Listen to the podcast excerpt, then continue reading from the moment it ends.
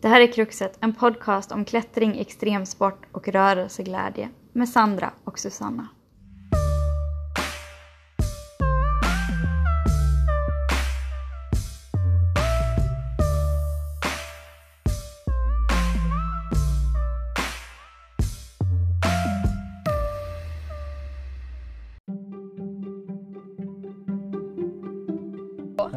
När, när satte du din fot på klättercentret för första gången?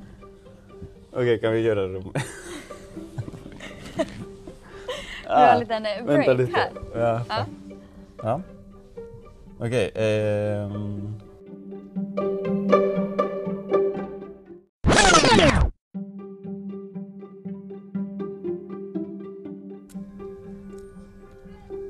Okej, Så. Välkommen eh, till den här fina lilla soffhörnan Marcello. Tack. Vi, Tack eh, vad är det för dag? Det är tisdag på Tis- klättercentret. Jag har faktiskt ingen aning. Ingen jo, just det. Jo, Du har tisdag. viktig dag. Ja, det Då gör är det tisdag. Yes. Jag har, eh, jag har med mig min första intervju så det här är lite nervöst för mig. Jag tror kanske lite nervöst för min gäst också. Ja, lite. Och jag tänker att han ska få presentera sig själv. Så vem är du? Ja. Jag heter Marcelo Mortensson. Ehm, Jag är född och uppvuxen i Nicaragua. Jag flyttade hit för, till Sverige för typ lite mer än fem år sedan. Är det så länge du har bott här? Ja. Nu, ett tag sedan nu. Wow. Ja. Hur kommer det sig att du flyttade hit? Oj, en bra fråga. Ja men ehm, efter skolan då skickade oss min pappa hit till Sverige för att kunna fortsätta och ja, våra, göra våra liv. Och,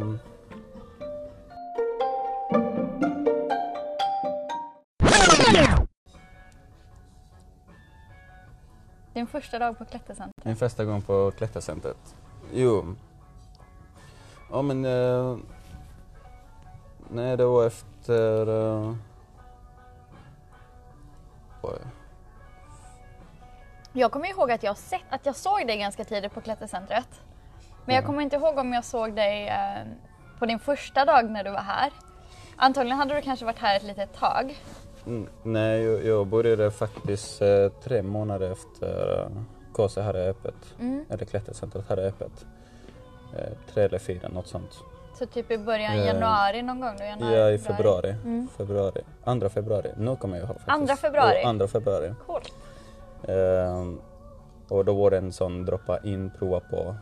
Eh, som jag fick reda på att det fanns en eh, här så jag, jag kom med min bror och min lilla syster och, och då ja, vi, vi kom hit och provade lite.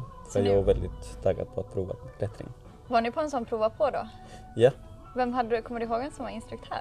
det, det var faktiskt en sån lite mer drop in och sen det fanns olika instruktörer som gick runt och, och fråga, fråga människor hur, ja, eller tipsa människor som, som var runt i, på klättercentret. Och, och eh, då fick jag, vem var det? Jo, Jesper. Jesper! Jesper, det är ja, Ja, en gammal kollega. Eh, fina Jesper. Ja. Som jag tycker det var riktigt kul med hans långhåriga tatueringar och var typ så väldigt chill människa och verkligen gjorde, verkligen gjorde en sån väldigt skön introduktion av klättring. Där jag fick till och med en mm, blev jag lite mer besatt av. Mer besatt av det. Vad spännande. Men du var lite intresserad av klättring innan du kom till klättercentret på att prova på? Ja, jag... Mm, det var så att jag reste faktiskt till Spanien eh, för att eh, besöka några, eller no- några mm, vänner där borta. Och, eh, och det var mm, min väns bror som, som frågade mig om jag hade testat att klättra någon, någon gång. Och eftersom att jag var väldigt, eh, jag är en sån väldigt naturälskar man kan man säga. Naturälskare kan man säga. Eller ja. naturälskare. Ja, naturälskare. Mm. Ehm, då sa han, han sa att eh, jag, skulle kom, eller jag skulle tycka om väldigt mycket om klättring. Eh, om jag provade. Och sen eh, fick jag chans att prova lite inomhus, bara en dag. Och sen efter det, då började jag leta efter typ så här, eh, lite klättergymmet här i, i, i Sverige. Och, och i den tiden då fanns bara Malmö klätterklubb. Och då var det ganska lite svårt eftersom att uh, det var rep då och, och jag hade ingen, ingen, jag kände ingen som, som kunde repklättra. Uh, och samtidigt, jag kände ingenting här, in, ingen här i Sverige. Eh, och sen eh, kollade jag i en tidning att klättercentret hade öppet, eller öppnat. Och då... Ja, efter... Och då fick jag tog med mig min, min bror och min lilla syster då. Då var det när jag testade. Och sen... eh, Ja, sen efter det... Då var det ja, lång resa inom klättring. Hur länge hade du Mm. bott i Sverige när du, när du klättrade första gången? Första gången, då började jag klättra... Nej, det var två, efter två år. Två år i Sverige. Ja, två år i Sverige. Vad gjorde du innan du började klättra? Ehm, men jag gjorde inte så mycket. Jag höll på att plugga, eller för att eh, försöka komma in på, på Malmö högskolan och, och, eller fortsätta, och- eller gå vidare och plugga. Eller plugga vidare. Nej, så, och sen det var lite svårt där att, kunna, att kunna komma in och, och då fick jag lite så här fram och tillbaka om att jobba och, eller jag, jag hade typ, det var lite svårt att kunna hitta en, eh, en eh, vad kan man säga, en fast jobb. Eller på grund av också att jag ville plugga. Eh, Så att så jag gör inte så speciellt mycket. Men att bara ja, hänga. För den eh, an- tanken som slog mig, som gjorde att jag tänkte först att jag ville prata med dig, även om jag ju vill prata med dig av många anledningar, men Ja. eh, så var det för att jag flyttade till Dublin när jag hade klättrat i mindre än ett år. Ja. Och det första jag gjorde när jag bestämde mig för att åka dit, eller till och med innan jag bestämde mig för att åka till Dublin var att kolla om det fanns klättergym. Det, var, det kändes så viktigt för mig att, eh, att kunna fortsätta klättra, även om jag flyttade. Och sen när jag väl flyttade dit, så det första jag gjorde, första kvällen var att söka upp klättergymmet och gå rakt in och träffar jättetrevliga människor som tog jättebra hand om mig. Ja. Och jag är fortfarande än idag, åtta år senare, vän med många av de här personerna. Ja.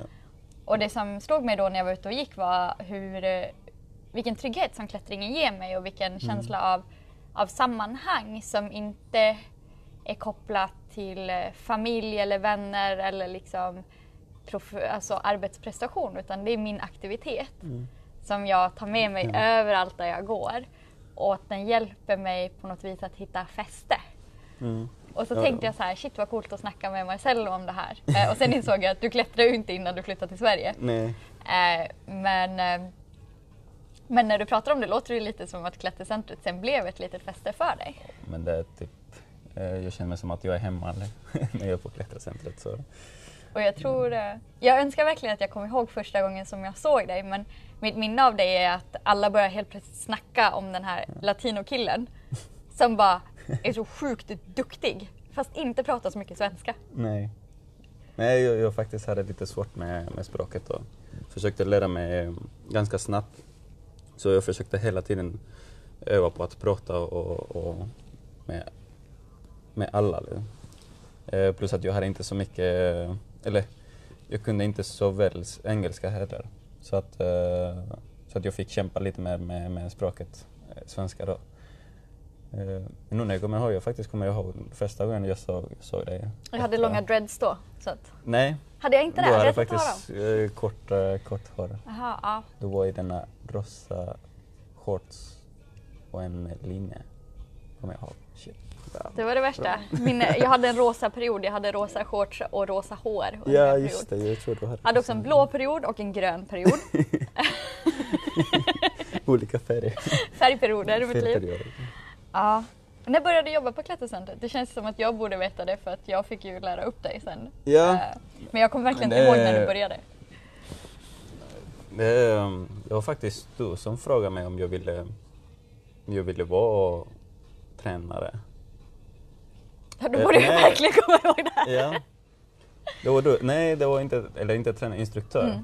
Mm. Eh, och den här är jätterolig för att jag kommer ihåg att när jag började klättra då klätt, på klättercentret då, då klättrade jag typ nästan varje dag, eller faktiskt varje dag. Bokstavligt talat varje dag.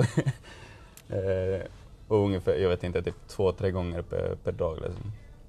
Och, eh, och då min syrra frågade mig om, om eh, eller hon undrade bara, var, eller hon, hon, hon frågade mig varför just jag frågade inte, eller varför frågade jag inte om, eh, om att få jobb här i, på klättercentret.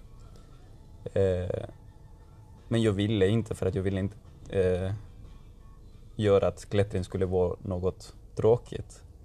Eh, så jag sa, det, det enda, jag, det enda eh, det enda sättet jag kan jobba där, det är om jag blir instruktör, sa jag då till min sida. Och sen, eh, och sen var det, sen efter typ fem månader tror jag, efter, efter att jag hade börjat klättra då, här på klättercentret, då kom du och frågade mig om jag, om, om jag ville vara instruktör. Då. Och det var så här, ja, okej, det är helt perfekt. Så ja, det, Jag Så- tycker ju, alltså för mig har det varit helt fantastiskt att få se dig växa eh, under de här tre åren är det väl nu du har jobbat här Ja. kanske då. två, Att, eh, två år, ja. Från ja, men den här killen som jag kommer inte... det- Jag, nu när du berättade så bara jo jag har frågat dig. Ja. Eh, och och den är, en, kanske inte blyg men just så här, kanske inte jättemycket svenska. Ja, ja, lite osäker. Och, och sen verkligen växa in i, i både den liksom tränare som du är idag, den ledbyggare som du har blivit det senaste året eh, tillsammans med Scott och, och teamet och, och den personen, den klättrare som, Mm. som har blommat ut. Och jag, tycker det är, jag tycker det är jättekul att kunna sitta och ha den här konversationen med dig. Ja. Och varje gång jag Ja. pratar med dig så känner jag verkligen så här, vilken fantastisk person som, som du är. Härligt. Och jag känner mig också glad att så här, både språkmässigt, för jag Ja. pratar inte spanska, att få tillgång till, till, till dig ja. och också Nej, det- att eh, få lära känna dig som, som vän och person. Det är jättekul. Ja, jag, jag tycker också det är jättekul. Och, är speciellt med språket. Det är något väldigt hjälpsamt när man, ska, när man vill anpassa sig till exempel i en, i en sån, eh, i en, i en, i en helt annan kultur. Eh, för att då vill man göra sig förstådd, eller hur kan man säga det på ett bättre sätt? Ja, att bli förstådd och att förstå. Mm.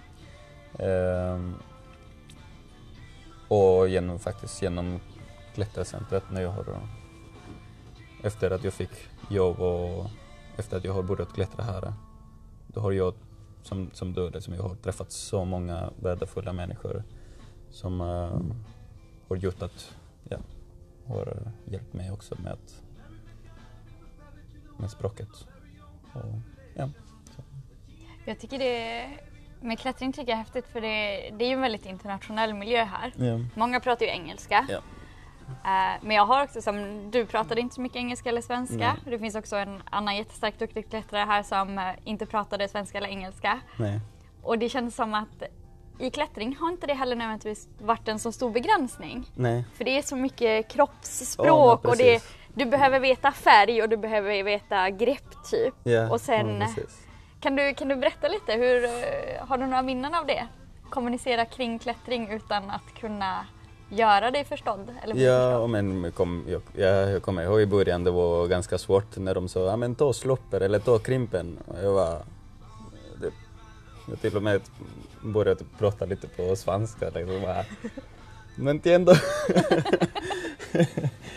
Ehm, den, den här? ja, eller den här? Så stod det där på peka typ en jugg efter och bara nej den där är en annan färg. Och bara. Vad är färg? Ja, ja. Jag förstår ing- eller, jag förstår ändå lite. Men, eh, men typ alla de här eh, ja, greppnamn eller, eller, eller flytt eller ja, allt de, de där hade jag ingen aning. Typ, eh, och det var... Nej, och sen, ja, och sen träffade jag som, som jag sa några som klättrade också där och sen började jag fråga lite småningom liksom, om vad, vad de alla eh, grepp hette och, och, typ, ja, och, och vad olika flytt het, ja, hette också. Mm. Och ja. Och sen tycker jag att um, det som gjorde mig utveckla jättemycket var efter att när jag fick jobbet och, som instruktör då, för att uh, då fick vi en liten utbildning om, om, ja, om hur kan man instruera och, och, då, och de olika tekniker också som man kunde lära sig och, och där fick jag utveckla ja, mycket. Ja. Hade inte vi vid något tillfälle typ ett peptalk om att du så här, var tvungen bara våga berätta Ja, vad du ville göra? För du, jag har något vagt minne av det, så här, men Marcello du kan ju. Så bara, men jag kan inte säga. Så bara, jo bara försök, bara, bara försök att berätta så kommer det gå. ja, Och, eh, och det, det var en termin där, en träningstermin jag vet när, undrar om det var din första termin som vuxentränare. Ja. och helt plötsligt så står det, och, och det är så här, nu kan du inte leka med barnen utan helt plötsligt så förväntas du berätta. Ja. Och jag, jag tror jag tittade på det lite i smyg och lyssnade in och så här, och man kunde verkligen se från vecka till vecka hur du liksom Mm. blev mer bekväm och tog mer plats och uttryckte dig säkrare och säkrare. Och jag tyckte Ja. det var jättehäftigt att följa. Så det är ganska lite, eller, det är ganska, eller inte lätt kan man säga, men, det- men det blir lite lättare med barn eftersom att de också håller på att lära sig. Så, så jag kom till den här nivån att jag kunde bara typ, prata genom att visa än, ja, än att eh, uh, använda ord. Eh, men i samtidigt det var, det gjorde mig också att utveckla ändå mitt, mitt språk på, på något annat sätt kan man säga.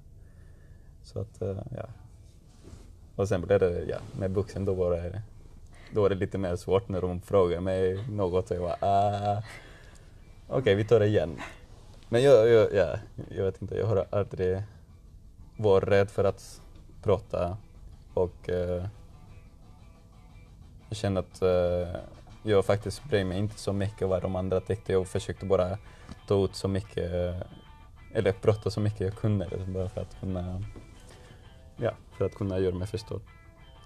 Och om de hade inte förstått någonting, då tog det jag igen. Liksom. igen och igen. Tills att de fattade. Så. Så. ett vinnande koncept. Ja, men ja. Nej. Och det, är det är så många personer som har kommit upp till mig och, och sagt att eh, du och Nikita, en av våra kollegor på Klättercentret, är, är anledningen till att de har fastnat för klättringen. Ja, alltså, De, de har tyckt att ni har varit så otroligt peppiga och fina och de bara, hade det inte varit för Nikita och Marcello så hade jag inte fortsatt klättra. Så att, eh, ni har gjort ett, eh, ett bestående intryck på många människor Ja. tror jag. ja, men det, ja, det, det är härligt att höra. Det, i alla fall. Mm. Men sen så hände det ju någonting för typ ett år sedan. Eh, när du helt plötsligt stals iväg från mina tränargrupper. För att bli ledbyggare. Oj, ja. Ja. Det finns ju lite rivalitet här mellan mig och Skotta där Ja, liksom ja, Skott tar min, eh, mitt, min S-tränare. Nej, så var det verkligen inte alls. Men, men du började du började ju bygga leder. Ja. Nej men det, det, det var faktiskt eh, något helt som jag hade inte tänkt på, på att göra. Men jag har, varit, jag, har- jag har varit, eh, eller genom min uppväxt har jag varit väldigt kreativ och jag gillar att använda kreativitet och speciellt när man kan göra med saker med händer istället för att eh, jag, jag funkar inte så bra med hjärnan. eller jo, jo. Det gör du men, visst, men, men- men, ja, Men du har målat en hel del också va? Ja, Det kanske inte folk vet, eh, vet om dig? nej, Du är kanske lite inte konstnärlig. Det. Jag är lite så, jag tyckte väldigt mycket om, om konst och det var faktiskt lite på grund av det jag fick eh, träffa klättring faktiskt. Ehm, På vilket sätt, eh, Ja. har, på vilket sätt har konsten bidragit till Åh, att du började klättra? lite lång historia, men det var typ eh, det är att resan jag skulle, i den resan till, att jag skulle till, sticka till Spanien då, eller när jag stick, stack till Spanien. Eh, en andra anledning för att jag, jag ville gå till, till Spanien det var för att jag ville träffa, eller gå och, och, och, oj, hur säger man det? Eh, för att gå och kolla på olika sådana konstmuseum. Eh, och efter det då, ja, och, och där fick jag då träffa, eh, eller jag vet inte, på något anledning träffade jag, eller blev jag involverad i klättring också och sen efter det kom jag hit. Och då var det inte, eller jo, mer konst och eh, klättring besatt kan man säga. Åker till Spanien, konstnär, kommer hem, och precis, klättrare. så klättrare typ. Ja. En självbiografi av Marcello Mårtensson. Ja. Kanske, kanske i framtiden.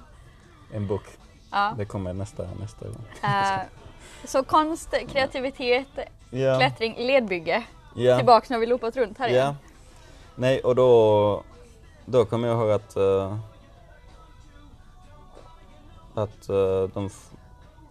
Eller jag, jag, jag var ändå lite så här, uh, alltid haft den där, eller jag tror att typ, kan, nästan, eller inte nästan alla, men eller nästan alla då undrar om, om hur, hur det är att att lättbygga och, och, och ibland undrar man att man tror att det bara är så här att sätta grepp och, och, och that's it. Men sen ehm, så jag började också fundera lite på, eh, på, på hur man gör det och vad är det, vilka tankar fanns eh, ja, typ, eh, runt eh, eller kring, kring klättring, eller kring, vad heter det, lättbyggen. Eh, och sen började jag fråga lite om innan, typ så här till, till, till Scott och, och, och till er, till er som var klätt, eller lättbyggargänget. Om uh, vad är det man, vilka, eller vad är det som, som krävs för att kunna vara en lättbyggare och sånt. Och sen helt plötsligt började jag vara lite motiverad på det och, och taggat och sen det var ni som eh, uh, föreslog på att ni skulle göra en sån uh, utbildning. Och de frågade, frågade er om, om jag ville vara med. Och då var jag så här, ja men ja, absolut. Sen utsatte då jag och eh, Scott, eh, Marcello och några till för en ettårig lång utbildning i ledbygge. Mm. Eh, som vi körde för första gången så, att, eh, så det är ett under att eh, två utav dem Ja. stannade kvar av fem Mm. som började. Eh, men det var ju också en, en sjukt häftig process Oh, ja. tycker jag att följa. Ja, men jag tycker att ni har gjort en jättebra jobb med, med den utbildningen. Det har hjälpt mig jättemycket kan man säga. Eh, det är från att ha noll koll på vad lättbyggarna är till att ha hyfsat koll på vad, vad man gör varje dag, typ, här, eller de här jobbdagarna. Vad trodde du att ledbygge var innan du började ledbygga? Hade du, vad var din bild av vad gör en ledbyggare? Oj, bra fråga. Nej men det var, det var nästan som, som alla, eller inte som alla, jag ska inte generalisera men eh, Eh, men där med att, nej det kanske bara att sätta grepp eller så. Och helt plötsligt var det så här, nej det, det är inte bara att sätta grepp, du, du måste ha koll på vilka rörelser, vilka flytt och, och typ eh, och typ att kunna lättbygga på en kommersiellt, speciellt den här kommersiellt eh, klättergym. Som är inte alls lätt, det är inte bara att, att tänka på, på dig själv när du, när du vill sätta en problem. Nej, du måste sätta på, eller vad heter det, veta om hur de olika människor rör sig. Speciellt de, från när de är nybörjare till de, till de avancerade då. Eh, så att, eh, nej, så, så ja, nu no, no vet jag. Nu vet du. nu vet Ja. jag. Jag vet att en av de saker som vi, eh, vi funderade på eh, om dig som ledbyggare var så här, han är ju väldigt kreativ men Mm. kommer han ta till sig av den här liksom förståelsen eh, för Ja, ja, vad för- behöver olika klättergrupper? Ja. I och med att det är ett kommersiellt gym. Ja. och, och inte, inte bli uppslukad i sin egna idé. Eh, och det var vårt stora frågetecken med det. Ja. Alltså bara, om, han, om vi når fram till Marcello här Ja. och han hittar sin väg igenom det så kommer han bli fantastisk ledbyggare. Och sen så tror jag att vi eh, nog alla var väldigt förvånade över hur snabbt du blommade ut. Mm. Och hur, ehm, hur fort du liksom äntrade stagen vad det gäller ledbygge och började leverera på väldigt hög nivå. det var väldigt kul att se också. Ja. Eh, och jag, jag var väldigt imponerad över det, att eh, det gick väldigt fort för dig att, eh, att förstå. Ja. Och nu bygger du i Köpenhamn också. ja. Du är en av de få det- svenskarna som får åka ja. till Köpenhamn just nu. Det är helt eh, ja, men det har öppnat mig, avundansvärt. det är verkligen klättringen har öppnat mig jättemycket. Och speciellt nu lättbyggarna också. Eh, så det, um, nej det, det, det är något som jag, jag faktiskt hade ingen, ingen där, eh, för, eller kan man, man säga att förtroende. Eh, nej, det, jag vet inte, det är helt, eh, helt galet. Det har gett mig jättemycket och sen, ja, och sen fick jag den där erbjudandet i, i Danmark också. Det, och nu har jag eh, fått lite olika så att, eh, Fått olika erbjudanden. Ja men typ så här, eh, jag lättbygga i, i olika tävlingar och sånt. Så, och, och det gör mig väldigt eh, glad av, eh, för, för att fortsätta i den, här branschen. Så, Du har ju jobbat väldigt hårt och dedikerat eh, Ja. för den position som du är i. ja, nej, Så det, ja, det är riktigt, eh, det är riktigt häftigt att se. Vart i Danmark är du bygger? oj förlåt. Eh, jag, jag lättbygger i Betta Boulders just nu. Ehm, ja, i Betta Boulders. Så jag kör lite hardcore, lite så här tisdag, onsdag, torsdag. Eller tisdag då och torsdag här i, i klättercentret och sen onsdagar på Betta Boulders. Shit. Så det är lite, det är tre dagar som jag kan inte ens andas lite. Så. Mm. Men, eh, men jag tycker att det är jättekul och, och, och det är roligt att lättbygga. Så att eh, för mig det, det är mer om att eh, det är mest att, eller mer att ha kul än, än, än att jobba kan man säga. Mm. Man tror att det är inte är jobb, som en livsstil. Det leder ju oss lite så smakligt in på, på vår nästa samtalspunkt som då är då Marcello som klättrare. Ja. Hur, eh, hur funkar det att balansera tre dagars ledbygge med din egna klättring? Ja. Ja, men, ibland blir det lite tufft.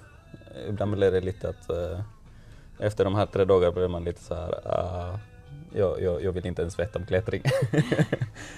uh, men i samtidigt, men det är bara så här vila, vila en dag och sen, och sen är man så peppat igen och motiverad för att fortsätta att klättra. Och ja, så, så, så det är inte så det är inte så, så, så tråkigt i slutet. Jag vet inte. Jag vet inte om... Eh, jag vet inte hur insatt folk som lyssnar är i utomhusklättringen men du, du har ju börjat eh, rada upp en, en del eh, Ja. nice sends utomhus också. Ja, Kan man ju lugnt säga. Har du, vad var det senaste? Jag, jag vill inte säga det för då kommer jag säga fel. Vilket var ditt senaste problem du gjorde? Du var uppe i Västervik. oj.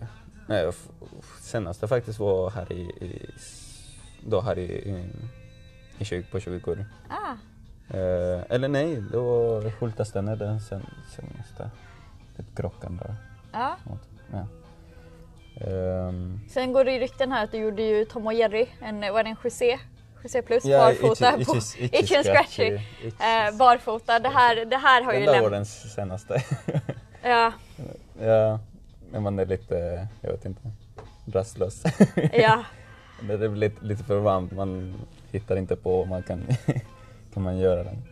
Nej, det var, ja, det var, ja, ja. Mm. Och så Kråkan på Hultastenen och i Västervik så var det då Office, Office heter den ja. Ja, Mm. Office eh, sitt. Och eh, lite olika problem som jag kommer inte ihåg, jag har ingen aning vad de hette. Jag bara klättrade. Bara klättra och klättra. ja. Eh, men det första åtta av var Rainbow Rocket. ja. Vad, vad är Nej. Rainbow Rocket? Oh. Då, då, det är helt sjukt. Eh, jag gjorde det faktiskt efter, hur mycket var det? Två, två år. Eller en och en halv år. Eh, sedan jag började klättra. Men jag kommer ihåg att alla snackade om font och alla snackade om här andra ställen så jag hade ingen aning vad, vad det var för något. Eh, och då och då blev jag så här att eh, nej och sen, och sen plötsligt hörde jag om den här resan att eh, det var olika som reste där borta för att det var fin klättring och, och, och sånt och eh, och då stack Nej, och då, då blev jag lite så här peppad på att uh, sticka dit och, och kolla hur klättringen var. Och varje gång man typ så här letade efter font, då kom väldigt mycket den där eh, Rainbow Rocket uh, Dino. Och när jag började och klättra då, då gillade jag väldigt mycket. Jag var väldigt dynamisk. Du var ju lite utav en hoppspecialist yeah. tidigt, uh, tidigt on. jag, jag, jag älskade att hoppa så jag var, ja men där ser det som en paradis, paradis så här, paradiset. Och, hoppparadiset, eller dinosparadiset. Ja.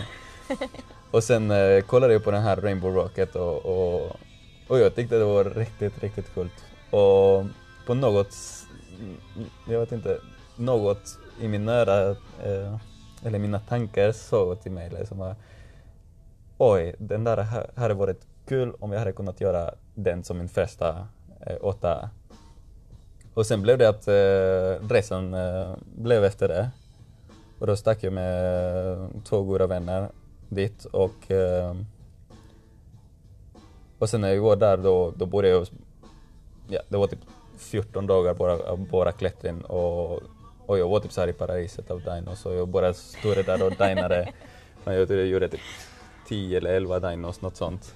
Bara gå runt och Alltså för en person ja, som älskar vertikalt och sva och statisk klättring och du yeah. har varit i Fontainebleau och bara pratar om dinos. ja, det, det skär i mitt hjärta Marcello. ja, jag vet, jag vet. Men sen, men sen, ja. Sen hittade du resten? Sen hittade jag resten. Ja, det var skönt. Och, och helt plötsligt, eh, nej men sen, sen kollade jag lite runt och, och då, var, då, då insåg jag på, på den här appen att uh, Rainbow Rocket var i närheten där jag var. Och jag var, nej den här jag måste gå eh, Eh, och kolla. Eller kanske prova till och med. Och sen faktiskt jag, jag, jag ljög till, till de andra för att de, vill, de ville gå ut och missklättra. Och jag bara, ah, men vi går, det här finns en jättefin ställe som vi har hittat. Och de var okej, okay, vi, vi går. Och de följde mig. Och sen stack jag och sen helt plötsligt när, när, de, när vi kom fram, de var vad är det för jävla ställe? här finns ingen klättring. Ja, och sen var typ, de var lite skeptiska alltså, om, om att um, om de sa nej den här är ett jättestort projekt, du kommer och det är bättre om vi kommer en annan dag. Och jag var, ja men nu är vi här, nu kan, är, är det okej okay om jag testar ändå? Och hon bara, ja ja nu är vi här så prova du. Och sen efter bara så här, jag vet inte, jag vet inte, tio försök så började jag känna att jag närmade mig eh, framhoppet. I början var det typ väldigt läskigt, alltså bara, bara står man där och kollar typ uppåt. Och, hur hög är den här stegen? För de som inte har sett Rainbow Rocket, hur känns det att stå och titta upp på ja. den? Men jag, jag vet inte hur hög den är faktiskt, men det är väldigt högt om man är... Fem meter i alla fall Ja, ungefär tror jag. Det känns, den, typ, man känner sig ja. väldigt liten under den vet jag. Eller typ, jag känner mig väldigt liten under den. Men jag är typ ungefär eh, en och, en och 50 till, till, till att några ljugen. Och sen och sen att man hoppar, jag vet inte, typ två eller två och en halv meter, något sånt. Eh, och det är en sån koordination, koordination din. Och, och i början kände jag väldigt så här, eh, jag vet inte om jag kommer att, att klara den, men på något så här, typ så här in i mig så sa nej, du, du, kan göra den. Och sen hade jag den där press om att mina gamla tankar om att shit, den här hade varit nice om jag hade kunnat klara den här som min första åtta. Men eh, Ja, och sen efter tio eller jag, jag vet inte, tio försök, då började jag ju väldigt, komma väldigt nära. Och sen, eh, och sen de andra insåg det. Och då, så, då var det Lukas, då, en, en jättegod vän, som sa till mig, okej, okay, nu är du väldigt nära. Nu ska du sätta den idag. Och sen kom till den här eh, coach-roll. Och han var, nej, ta en paus, vila, fokusera på, på, på, på toppen och, och vänja typ så här foten att, att den kickar utan att uh, omedveten. Mm. Och, och sen blev jag typ så här i en, den där fokusroll. Och helt plötsligt uh, efter, jag vet inte, 20 försök eller något sånt, då bara, bara kände det direkt. Bara tog, kunde dra och kicka foten och helt plötsligt bara stod det där och, och, och, nurrade, vad heter det, och tog toppen. Ja, det var he, helt fantastisk eh, känsla. Det var, man kan inte förklara de här känslor, känslor men det är helt underbart. Eh, jag kommer ihåg att jag fick typ så här, eh, min, min, min hjärna flippade typ så här en hel dag. Jag, jag vaknade morgon, dagen efter och jag, jag kunde inte tro på det. Liksom. helt galet. Så det, det gjorde faktiskt en bra resa. Eh, ja. Vi var här hemma och såg, jag vet inte när ni la upp videon, för ni la upp en video också mm. medan ni var där. Och det, jag var nog här på jobbet och jag bara nej, han gjorde Rainbow mm. Rocket. Alla bara va? Och så bara kollar och så visar videon så bara kollar Marcel och bara gör Rainbow Rocket. Eh, och för er som inte har sett den så är det då, man har ett handgrepp ja. och sen så ska man hoppa upp och sätta foten på handgreppet, på handgreppet och sen ja. skjuta iväg med fötterna va? Ja precis. Till en ganska bra kant. Ja, Toppen, ändå, liksom. ja, den är ändå ganska bra. Ja. Det, det är sjukt långt. Ja, nej. Det är verkligen på, ja, på videorna man såg lite så här, ja men den här är möjlig. Sen när man kommer in där bara, ja, man tror att det är omöjligt men, men helt plötsligt går mm. man tror på, på, det, på sig själv. Det är så viktigt eh, att man har som, som Lukas som var där och peppade och stöttade yeah. och, och gav dig möjlighet att fortsätta. Yeah. Och, ja. För mig så är det så viktigt att jag är att jag är omgiven med bra människor när jag klättrar. Oh, ja. Som ger mig äh, en, en positiv energi och en lugn känsla yeah. och, och då klättrar jag väldigt bra. Om jag, om jag inte känner det så klättrar jag inte så ofta så bra. Jag har liksom inte mm. den äh, jag har inte den kapaciteten inom mig. Jag är så avundsjuk på människor som bara oavsett vad som händer har yeah. klättringen så för ögonen så att de alltid kan prestera. Yeah, yeah. Men jag kan inte det utan jag, jag behöver en, en Lukas liksom när jag klättrar. Ja. Men du klättrar ganska mycket själv också? Ja, det gör jag. Uh, I början faktiskt när det, det, har varit så här väldigt mycket om att eh, klättra inomhus och utomhus när jag provade. Det var faktiskt Lukas som var min första person som tog mig ut och klättra ute. Eller tog mig och klättra ute. Uh, och sen det var han som första gången tog mig till font faktiskt också så att uh, det... Lukas är bra. Ja, man, man, måste ha en Lukas i sitt liv. Ja. um, nej, och efter att jag provade första gången klättringen utomhus då, då, blev det, då blev det en helt annorlunda känsla och, och, och då blev det att jag ville fortsätta och, och gå ut i, i, istället för inomhus då. Uh, men ibland var det, i början var det ganska svårt för att eh, man tror att man behöver en bil och, och då har jag, hade jag inte körkort och det, och det var lite så här eh, svårt för att, att ta sig dit till de här områdena för att kunna klättra. Ehm, eh, men eh, jag har varit lite, kan, kan man säga, typ så här obsessiv i klättring. Att eh, jag började typ så här hitta på vilka, om det fanns mer områden, så här olika områden och vilken var den närmaste för att ta sig mm, med tåg och, och och, och buss.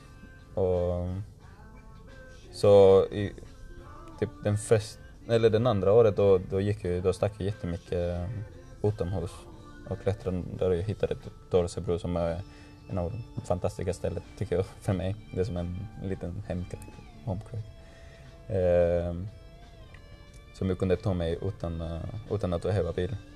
Så, och sen uh, ja, leta efter lite olika olika, olika områden. Eh, och då började jag klättra. Ja, var skulle jag komma ifrån? Jag, kommer, jag glömde. Nej, det var bara du, att du klättrar själv också. Eh, ja, just det. Nej, och, och, just det, och det var det att uh, innan jag, jag, jag visste ingenting om, om, om typ eh, friktion och ingenting om, om den där, du vet de, de små, små mikrobeta, om man kallar det. Om man, om man har, du, har du åkt till Torsebro när det har regnat Marcello? Ja men jag har gjort det. Jag, jag, har, jag har, det var typ en helt um, den här är fantastisk typ här i, här i Malmö där man skaffar en sån här jojo-kort i sommar. Och när det är alldeles för varmt, jag brydde mig inte så mycket om den där och bara tog eh, efter jobbet, bara kom hit, jobbade och efter jobbet och bara stack jag och- första, tog den första taget och, och buss dit. Och sen klättrade jag jättemycket ute. Och då gjorde jag nästan det, inte, nej, jo men typ två, tre gånger per, per vecka. Eh, och det, jag vet inte. Det, och jag tycker det var ganska väldigt svårt men för mig, jag ville bara njuta och klättra så, så gick ändå jättebra. Sen fick jag veta om att jag fick friktion. En stor- grej. en grej. och då, då, ja. Blev du, blev du mer kräsen sen? Ja, Ja. då blev det en helt annan värld. Jag tycker det är så, det, det för mig är så roligt för när jag började klättra också, jag fattar inte friktion heller. Ja. Och, och många som man pratar med som inte har klättrat så länge, de Mm. förstår inte heller. Jag tror man måste ha upplevt perfekt friktion för att förstå Oh, ja. vad friktion kan vara. Ja. Och jag vet, jag var så upprörd när jag hade klättrat. Jag hade klättrat kanske två, tre månader. Jag var så sjukt taggad och ville ut. Mm. Och jag skulle få åka ut med mina kompisar för första gången. Och så ställer de in, för det regnar. Oj, ja. Och jag känner så här, men vem bryr sig? Vi, vi, vi vill Ja. bli blöta. Men vi har, vi har ett hus, Ja. vi har varm dusch, vi har, kan åka och basta. Bara, det är inget problem, jag bryr mig inte om jag blir blöt bara jag får klättra. Och jag förstod inte att nej men Sandra du kommer inte kunna klättra på en blöt sten. Det här fanns inte för mig utan Nej. det var så här. Jag tyckte ju att de var lite snobbiga som inte ville bli blöta. Ja. Jag var så upprörd faktiskt på dem för det. Ehm, Jag har haft också lite den där eh, obsess också att jag, det där på- till exempel den här appen eller de säger att det ska regna hela veckan och sånt.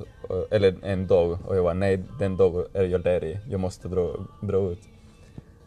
Och sen, eh, och vädret är lite tveksam och, och då sticker jag ändå. Och när man är, när man är framåt då börjar man se att det borde regna lite och bara kom igen, nej det kommer stoppa, det kommer stoppa, det kommer stoppa. Sen när man kommer fram det stoppar och bara yes, nu, kom, nu, nu kan man gå. Och sen när man är framåt det är bara helt blött liksom överallt. Och man går ändå hela vägen in för att kunna se alla bouldersarna. Och se, kanske finns och- en sten ja, som är torr. precis, som är torr. Helt, eh, det gör aldrig det. Det finns Ja. aldrig en torr sten. Men sen provade jag faktiskt att klättra under regnet den gången. Och det gick. Det gick till och med. Kunde göra i Torsebro då. Det gick jättebra där. Det var bra. Det är Så ju att, eh, ja. Så att det Äh. går att klättra nu. precis. Eh, För att våra lyssnare inte ska bli förvirrade. I Fontainebleau där är det sandsten. Där ska man absolut inte Ja, klättra om det är ja, blött eller fuktigt. Eh, granit en liten annan story. Ja. Den kan du klättra på om den är blöt. Ja. Häll inte ett ton krita på stenen. Är ni jättegulliga så blir vi väldigt glada. Nej, det är man medveten på. Så att, ja. Ja precis. Eh, Det var man inte, men nu är man. ja, I början så visste man ingenting. Nej.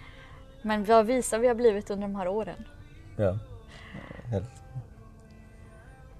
Men vad, är, vad står näst på din horisont Marcel? Har du några klättermål Eh, som du vågar dela med dig av? Jo, ja. klättermål. Ja, men... ehm, jag vet inte. Det är, jag, jag brukar vara typ, eh, sätta mål typ, typ varje år. Eller så här, bara för att kunna motivera mig. det är en bra, bra sätt att motivera sig. Eh, men eh, jag vet inte, som alla så här lite klättra... Jag vet inte, för mig är det lite mer så här klättra hårt. För jag tyckte att, och njuta av klättringen också. Eller komma till den här nivån att man kan njuta av klättringen trots att man klättrar vilka vanor som helst eller vilka problem som helst. Eh, men eh, ja, så, så för mig, jag vet inte. Ibland sätter jag lite grader, mål eller ibland bara missklättra Mm. så mycket eller njuta av klättring. kan man säga. Så, att, så att just nu har jag inte en specifik, specifik, specifik. Eh, eller jo, det har jag, men, jag, men, men kanske det, det är lite jäm, hem, hemligt. Ett hemligt mål. Hemligt mål. Oh. Så, ja. Jag blir väldigt nyfiken på att pusha dig i det här. Ja. Eh, Så du får säga nej om det här blir helt eh, bananas nu. Men varför är det hemligt? Jag ska inte fråga dig om ditt mål för det, målet är ju Oh, hemligt, ja, det ja. respekterar jag. Varför vill du hålla ditt mål hemligt? Oh, då... Du får säga pass. Va? Om du inte vill berätta så får du säga pass. Nej men jag tycker att det är lite mer för... För att man vill inte ändå känna sig lite... För det, det är bara mest jag som behöver pusha mig. Och man vill inte ha den där pressen av att alla ska veta vilka är mina, mina mål och så helt plötsligt bara så misslyckas. Och, trots att jag, jag bryr mig inte om jag misslyckas egentligen för att jag tycker att vi misslyckas, misslyckas inte. Vi bara lär oss bättre. Ehm, så att... eh, men i samtidigt, eh, du vet, man, man, man tvekar lite. Så att eh, Mm. det är bättre att ha, ha sina klättermål hemlig Jag förstår verkligen det. Jag, våra visa. jag berättade liksom inte för någon. Äh, Jag hade inte nödvändigtvis så uttalade mål men jag hade ju också så idéer om vad jag ville klättra gradmässigt Ja. eller vissa specifika problem och, och när folk frågade mig bara nej jag har inga, jag har inga mål, jag har inga specifika Nej. mål. Jag hade ju det lite Ja. undermedvetet. Men så i år så, så utmanar jag mig själv i det här Ja. och, och är nu jätteöppen med, och så har jag sagt bara men det här är mina mål. Ja. De här, det här är mina mål för i år Ja. och jag ska träna specifikt för dem. Jag ska åka till de här problemen och jag Ja. ska göra allt jag möjligtvis kan Mm. för att försöka göra dem. Ja. Och det är så jäkla läskigt för helt plötsligt så kan jag misslyckas. Ja. och då vet ja, ju folk precis. om att jag... Och det är som du säger, jag ser inte det som ett misslyckande men, Nej. men så finns det ju ändå i huvudet att det andra Ja, människor det- ser är ju liksom Klarade du eller klarade du inte? Och jag bara, Ja. men allt jag har lärt mig längs Nej den här precis. Det, så för mig att, att våga bli öppen med de här målen Ja. handlar inte om att göra dem utan det handlar om Nej, vad jag tror att jag kan lära Ja. mig genom att våga visa mig själv sårbar typ. Och det säger jag inte för att jag tycker du ska Nej, avslöja ditt nej. mål utan jag... Nej. ehm, Men det är intressant. Men, jag tycker det är, jag vet inte, du får komma tillbaka om ett år med det här så ska jag utvärdera hur, hur den här nya approachen till min inställning kommer, kommer gå. ja. Vi, är, vi börjar närma oss slutet på den här intervjun. Oj, gör vi det? Ja, Okej. det, då kan vi prata om fler saker vid fler tillfällen. Men jag har, jag har en fråga som jag har gått och grynnat på lite grann Ja. här. Vilket är det perfekta problemet? Oj. Vilka är det perfekta problemet? Hmm. Det perfekta problemet? Oj. Livet.